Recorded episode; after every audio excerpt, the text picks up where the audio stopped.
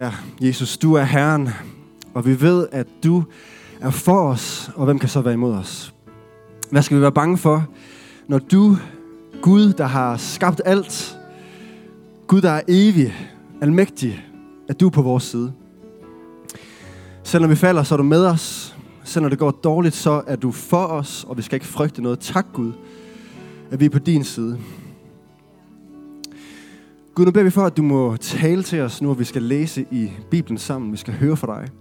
Hjælp os med at lytte til dig. Hjælp os med at have et åbent hjerte. Og kom og tal til os. Vi længes efter dig, Gud, og vi beder i dit navn, Jesus. Amen. Værsgo tage en plads.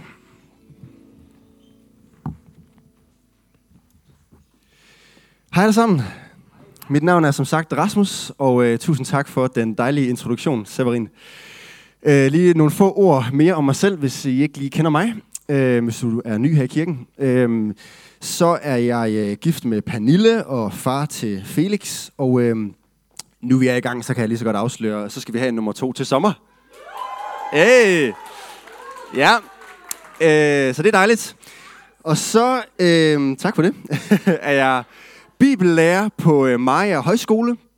Jeg øh, har den ære at få lov at lede øh, verdens fedeste konference, Brighter-konferencen for unge mennesker.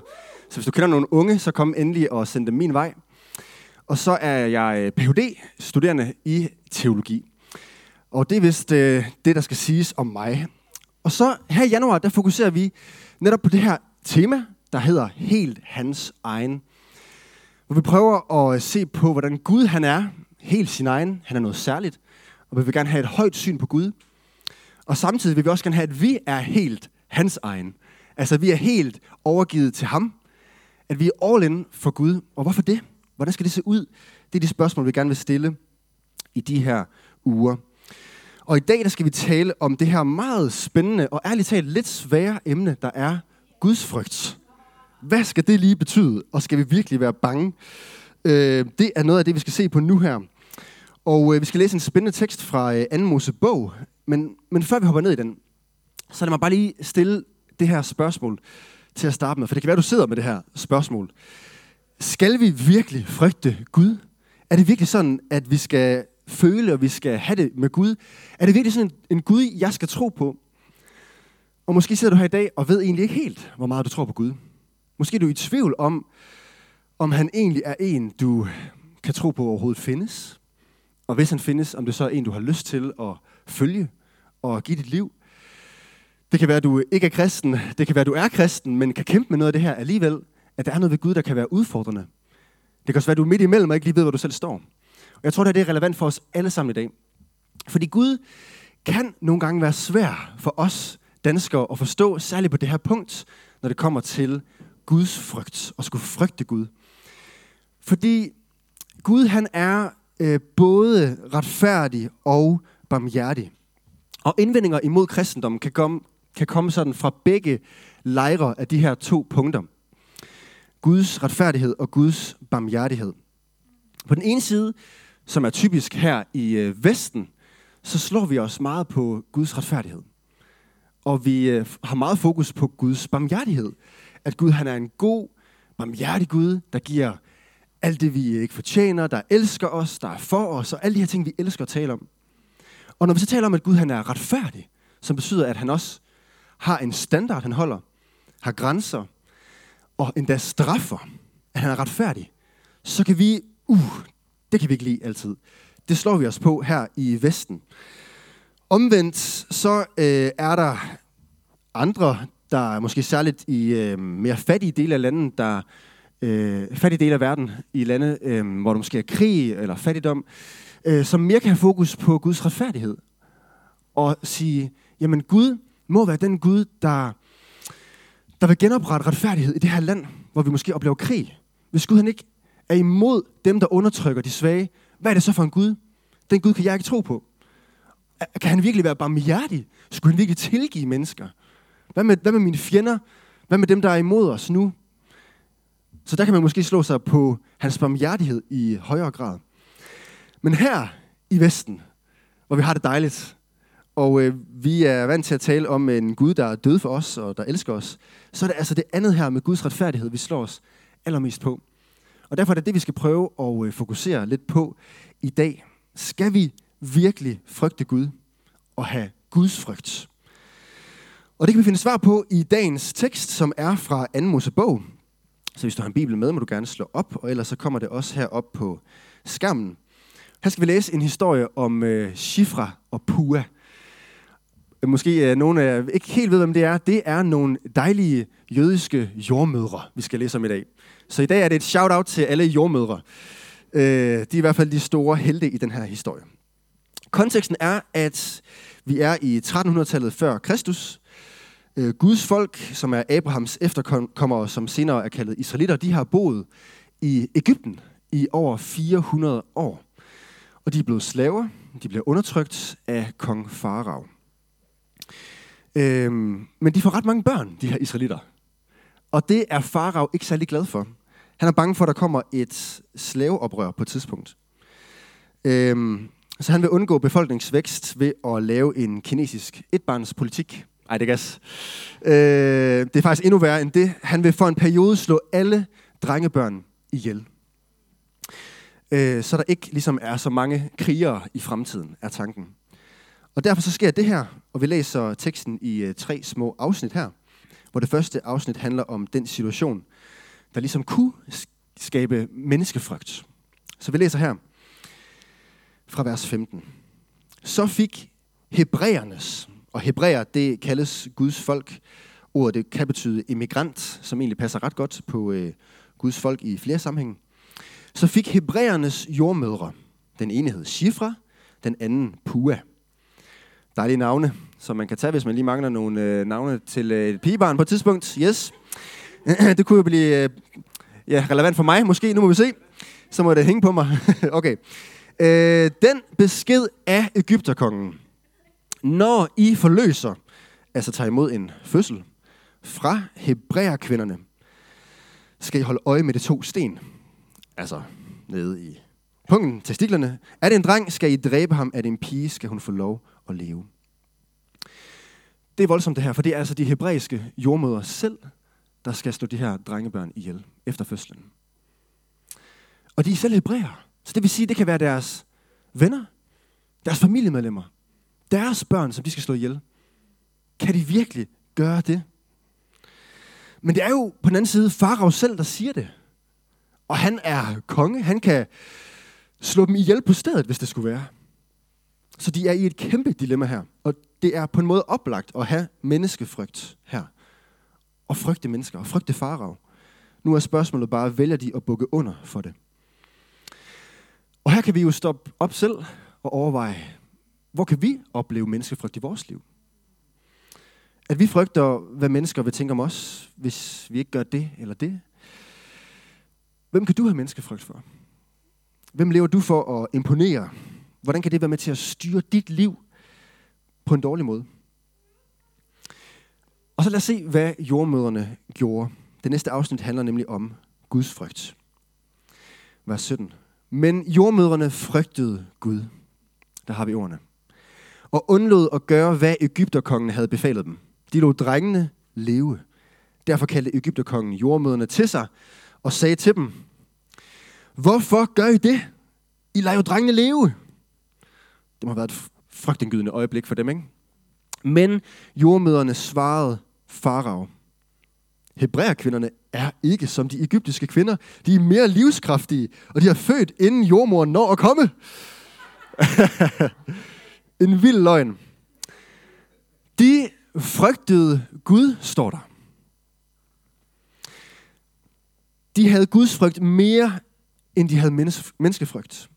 Hvad vil det sige? Det vil sige, at de vidste, at de ikke kun skulle stå til regnskab over for farao. Det vidste de, de skulle. Men de skulle også stå til regnskab over for Gud selv.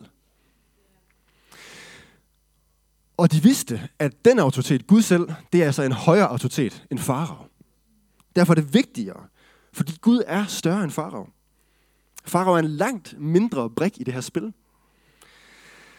Det er ligesom, øh, hvis du har nogle børn i en skolegård, Og øh, et barn siger til et andet barn, hvis ikke du tager den her sten og kaster den ind i roden, så, så smadrer jeg dig.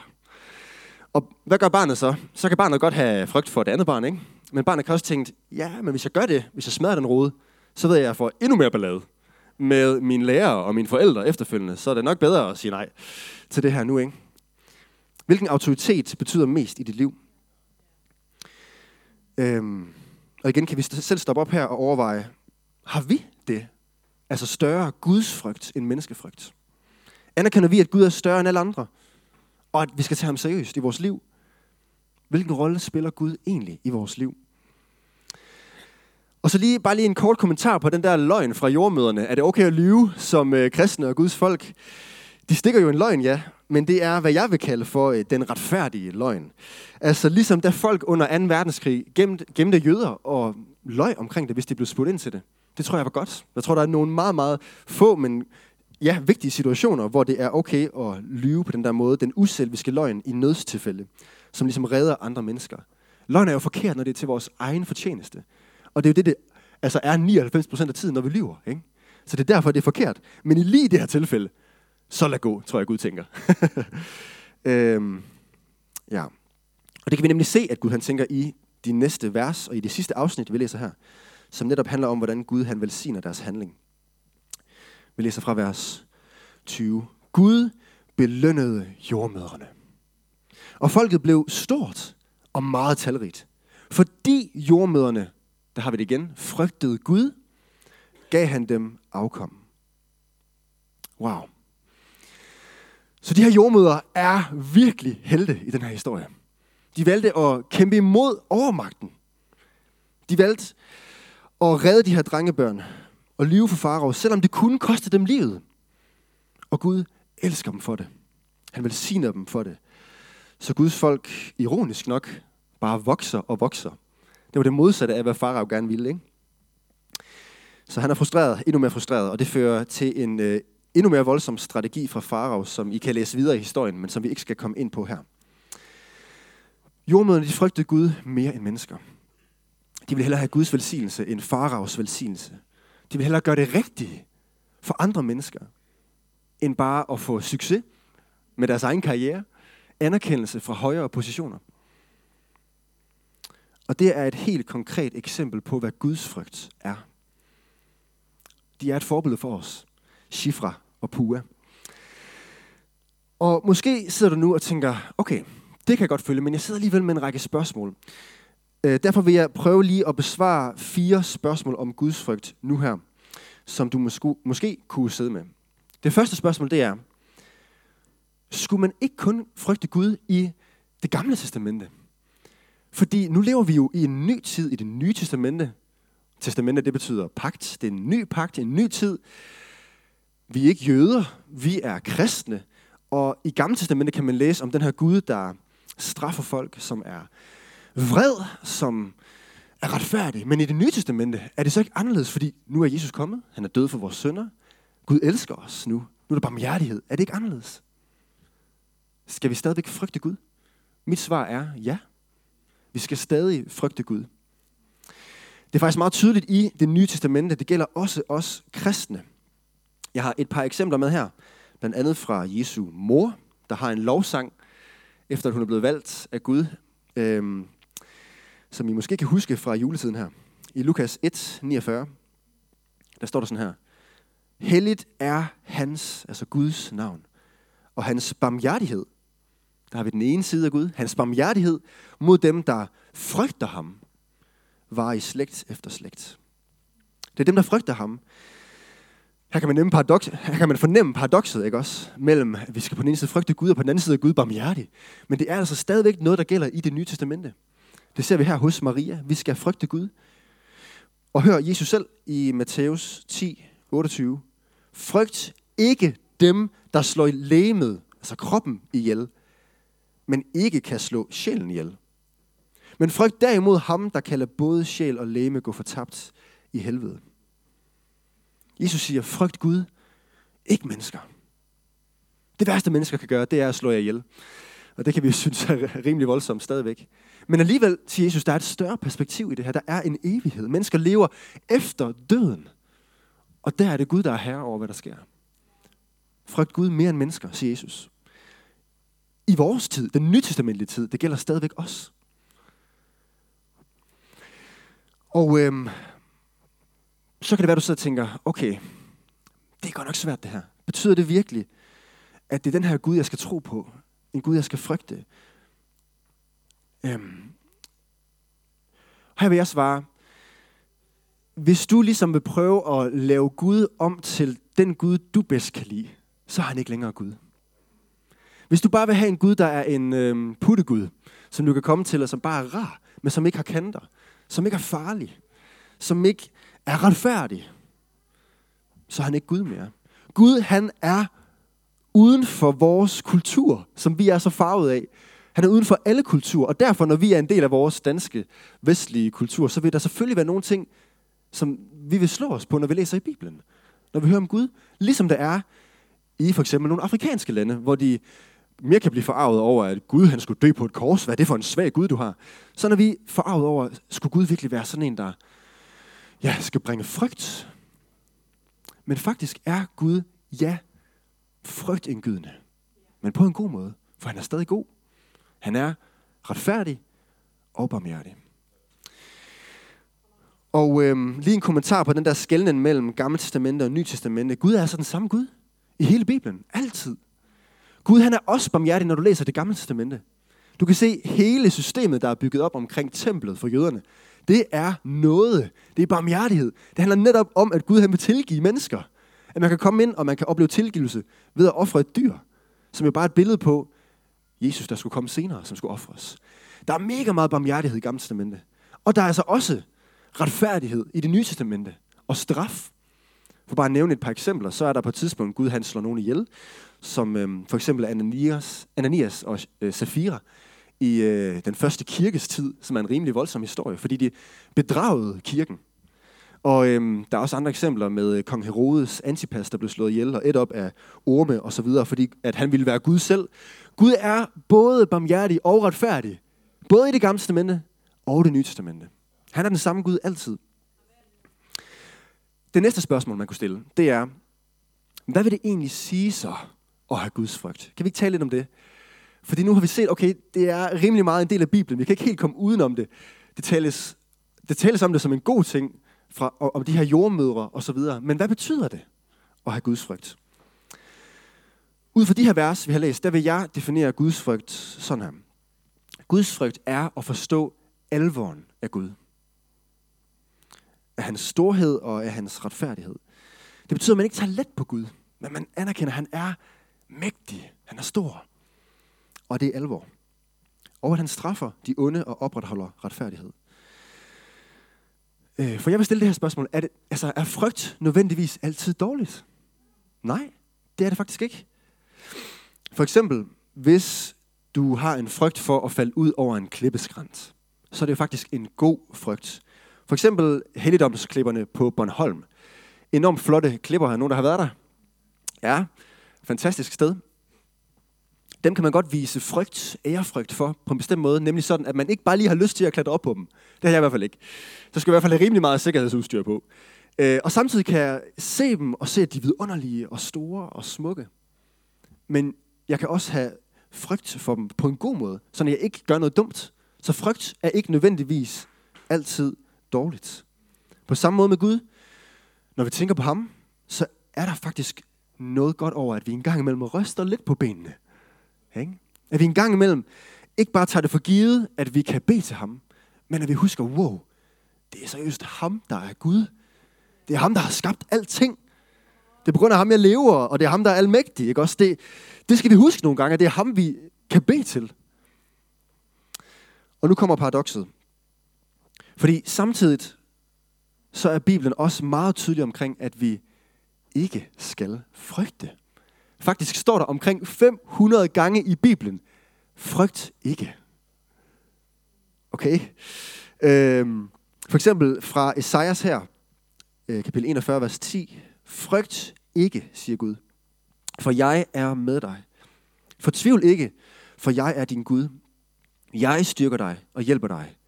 Min sejrige hånd holder dig fast. Wow, ikke? Fantastisk vers. Så når man er på Guds side, så får man at vide, at man ikke skal frygte, fordi Gud er med os. Men hvordan hænger det så sammen? Skal vi øh, frygte Gud, eller skal vi ikke frygte? Jeg forstår det ikke helt. Øhm, det her, vil jeg sige, det er udtryk for, at vi ærligt talt som mennesker kommer lidt til kort med vores sprog nogle gange. Vores sprog er begrænset. Vi har x antal ord på dansk, og på det samme på alle andre sprog. Og derfor så kan vi nogle gange bruge nogle af de samme ord for at tale om forskellige virkeligheder. Okay? På den ene side, så kan frygt betyde altså Guds frygt og tage Gud alvorligt som en god ting. Og på den anden side, så skal vi ikke frygte på den måde, at vi kan være trygge hos Gud, når vi er på hans side. Ikke? Og det er derfor, jeg kalder det et paradoks. Men måske ligger den virkelighed i virkeligheden ikke så langt væk fra det, vi kender fra andre situationer i livet. Øhm, for eksempel kan jeg huske øhm, en gang, hvor jeg var ude og køre med øh, Johannes, der sidder her, min gode ven, øh, da vi var teenager. Hvad siger du? Der er en grund til at frygte. Det var ikke ham, jeg frygtede. Dog. Øh, det var øh, hans far, vi var ude at køre med. Det var øh, Johannes' far, øh, Peter Wirtz, der kørte bilen. Og øh, så kan jeg huske på et tidspunkt, at politiet kom. Og så sagde jeg noget med, åh, oh, nu kommer politiet. Øh, og jeg, jeg mente, altså jeg kunne mærke det lidt i mig. Vi var, sådan, vi var små teenager på det tidspunkt, ikke? Og, øh, og så tjekkede jeg lige, jeg, kunne lige, jeg tjekkede lige, om selen var der, tror jeg, og sådan, om der lige var styr på tingene, ikke også? Øh, der er noget autoritet hos politiet, ikke? Hvis man er i tvivl om det, så kan man bare spørge den flotte fyr på gitaren her. Øh, det kan godt være, at Jonathan han er øh, sød og flink herinde, men hvis I møder ham i uniformen, ikke? og I kører 100 km i, øh, i byen, så skal han nok tage kørekortet fra jer. Der er noget autoritet der, ikke? Det, det er der noget rigtigt over. Jeg oplevede lidt noget frygt der, men så kan jeg huske, at, at Peter, Johannes' far der, han sagde, jamen de er jo vores venner. De er jo på vores side, sagde han. Noget af den stil. Og så var jeg sådan, nå ja, det er jo rigtigt, jeg behøver ikke at være bange for dem. De er på vores side, så længe vi ikke ligesom er nogle forbrydere. Så er de vores venner. På samme måde med Gud, så kan vi opleve en wow-effekt over ham. Hold da op, han er virkelig stor og retfærdig, og det er alvor. Og på samme tid, så er han for mig. Han elsker mig, og jeg er på hans side. Han er min ven, selvom han har en øh, vild autoritet. Øhm, for nogle år siden, så øh, prøvede jeg lidt at sætte ord på det her i et digt kaldet Frygt ikke, som øh, nogle af jer måske kender fra en sang, som min gode ven Simon Pedersen øh, har lavet ud fra det her. Og jeg vil bare lige læse afslutningen af digtet op her. Og så kan I selv gå hjem og finde resten, hvis I gerne vil se det på YouTube ved at søge på Frygt ikke. Øh, det er Guds stemme, der taler i digtet ud fra sådan en række bibelvers. Så det er direkte bibelreferencer. Og det siger øh, sådan her. Frygt ikke, for jeg er med dig. Jeg kalder dig ved navn. Du tilhører mig. Betalte jeg prisen, så er den betalt. Intet kan røre dig, og intet går galt.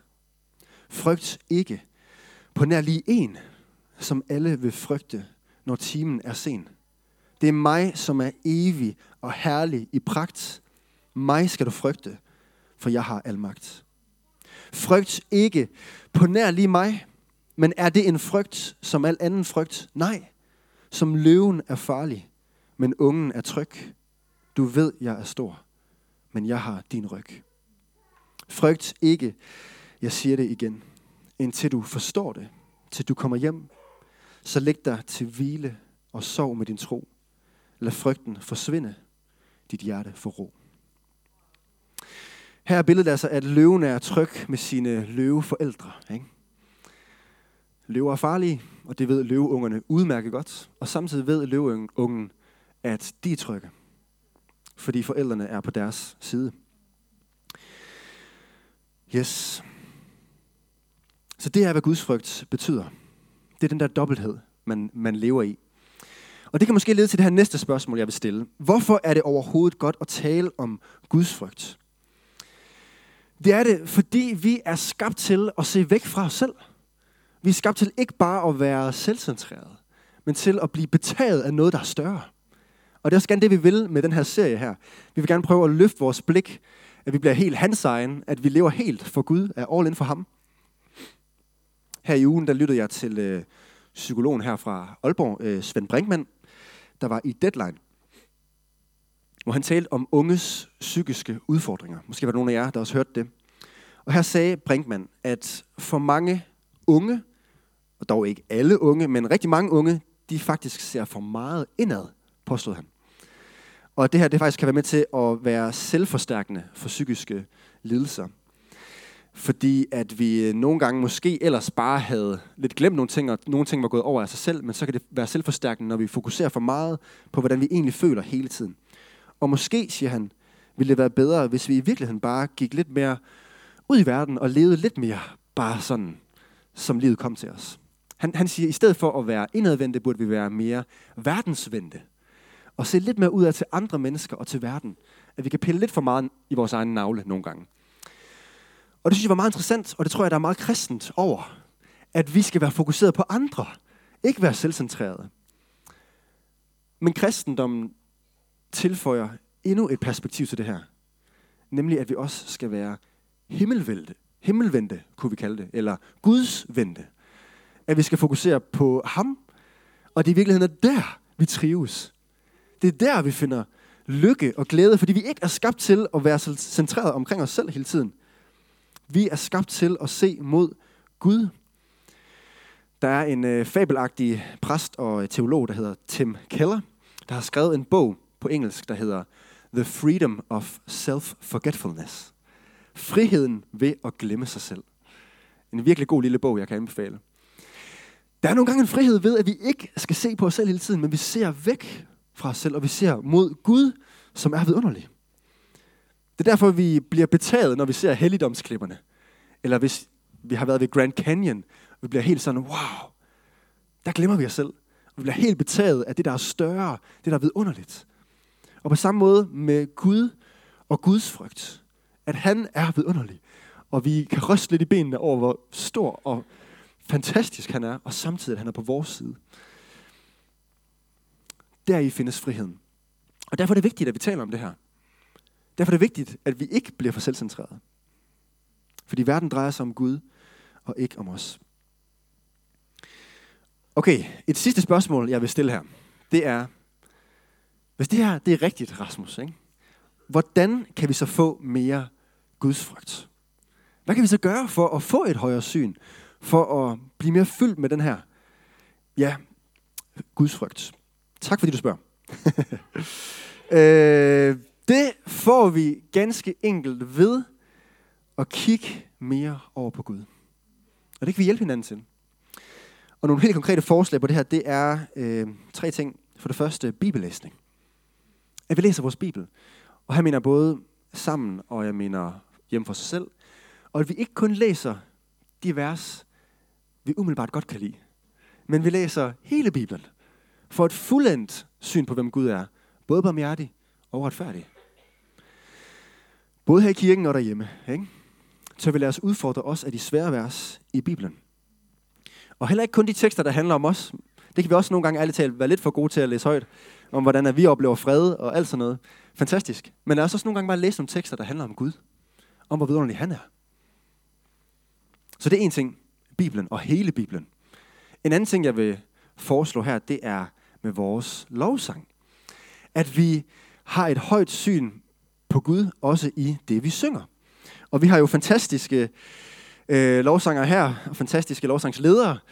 Øh, og, øh, og nu, det jeg siger nu, det er ikke sådan myndet på øh, det, vi gør her i kirken, eller sådan direkte på den måde, men det er mere myndet på de lovsange, der bliver skrevet generelt i verden i dag, om der måske er lidt en skævhed i forhold til, om vi synger lidt for meget om os selv i moderne sange.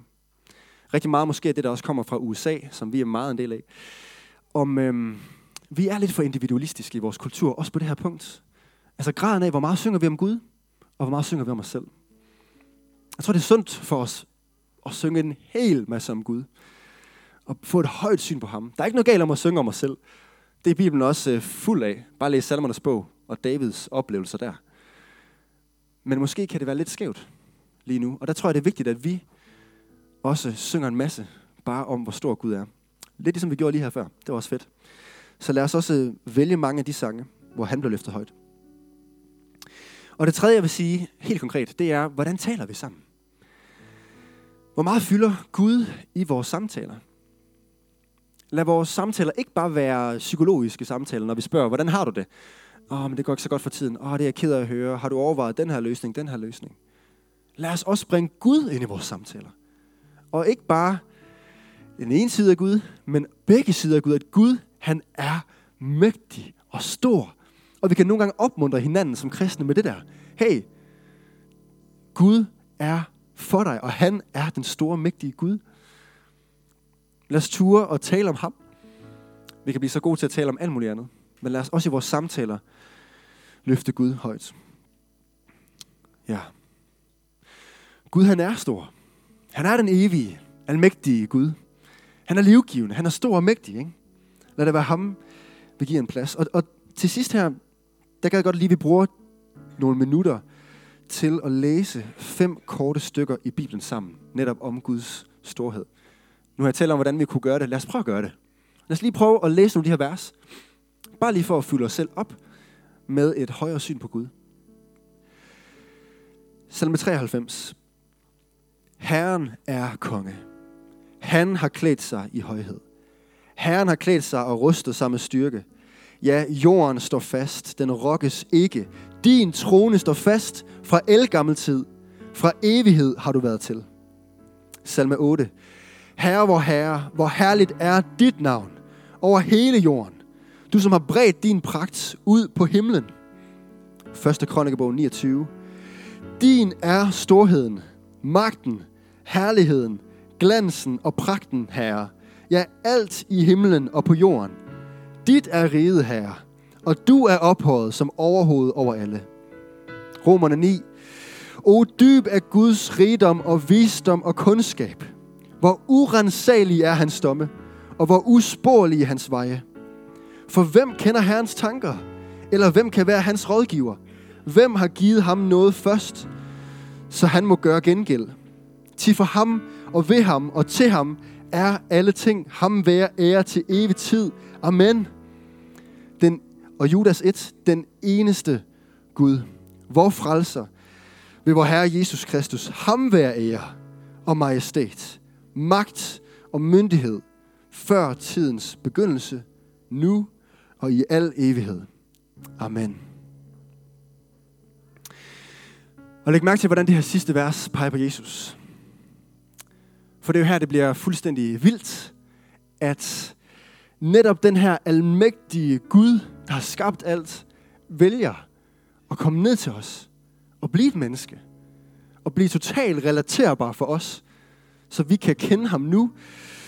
Mennesker oplevede ham, og vi kan læse historierne om ham nu, og kende ham så meget bedre. Jesus er den almægtige Gud. Og ham skal vi frygte. Ham skal vi tage alvorligt. Samtidig med, at vi kan være trygge ved ham. For det er netop på grund af ham, at vi ikke skal være bange mere. Det er netop på grund af ham, at vi er tilgivet. Han har betalt vores bøde, ikke? vores politibøde, ved at dø i stedet for os på korset. På grund af ham kan vi være trygge, og samtidig er han stor og mægtig. Derfor kan vi have en sund form for Guds frygt. Samtidig være trygge. Vi kan være helt overgivet til ham. Være helt hans egen. Amen. Skal vi bede sammen? Hmm. Ja Gud, vi priser dig, vi ophøjer dig. Du er alt det her, vi har læst om lige nu. Du er stor og almægtig. Du er den, der kan gøre alt, hvad du vil. Du er alle stedsnærværende. Du er lige her lige nu. Du er i Sydkorea lige nu, i Afrika. Du er overalt. Du er alvidende. Du ved alt, hvad vi tænker. Alt, hvad der vil ske. Du er evig. Uden start. Uden begyndelse. Du er retfærdig. Og du hader undertrykkelse af de svage. Du er god. Du er barmhjertig. Du er kærlig. Og alt det her, det løfter vi dig højt ved, Jesus. Vi priser dig for den du er. Der er ingen som dig. Du har ingen lige, Gud. Priset vær du. Ja. Og tilgiv os, Jesus, når vi giver dig for lidt fokus i vores liv, og når vi ser for meget indad på os selv, og vi bliver for selvcentreret. Hjælp os at være Gud-centreret. Hjælp os at have Guds frygt. Hjælp os at tage dig alvorligt, og vide, hvem du er, og samtidig være trygge hos dig, som du siger, vi skal. Tak, at vi kan være trygge hos dig, Jesus. Så hjælp os at gå ud med det, være begejstret for dig, og turde dele det med andre, at det i virkeligheden er det, som alle mennesker længes efter. Alle mennesker længes efter noget større at se hen imod og blive betaget af. En, vi kan ryste lidt i benene over, og samtidig vide, at du er god. Så hjælp os, vær modige, hjælp os, turde fortælle om dig, Jesus. Ja. Og lige nu, mens vi beder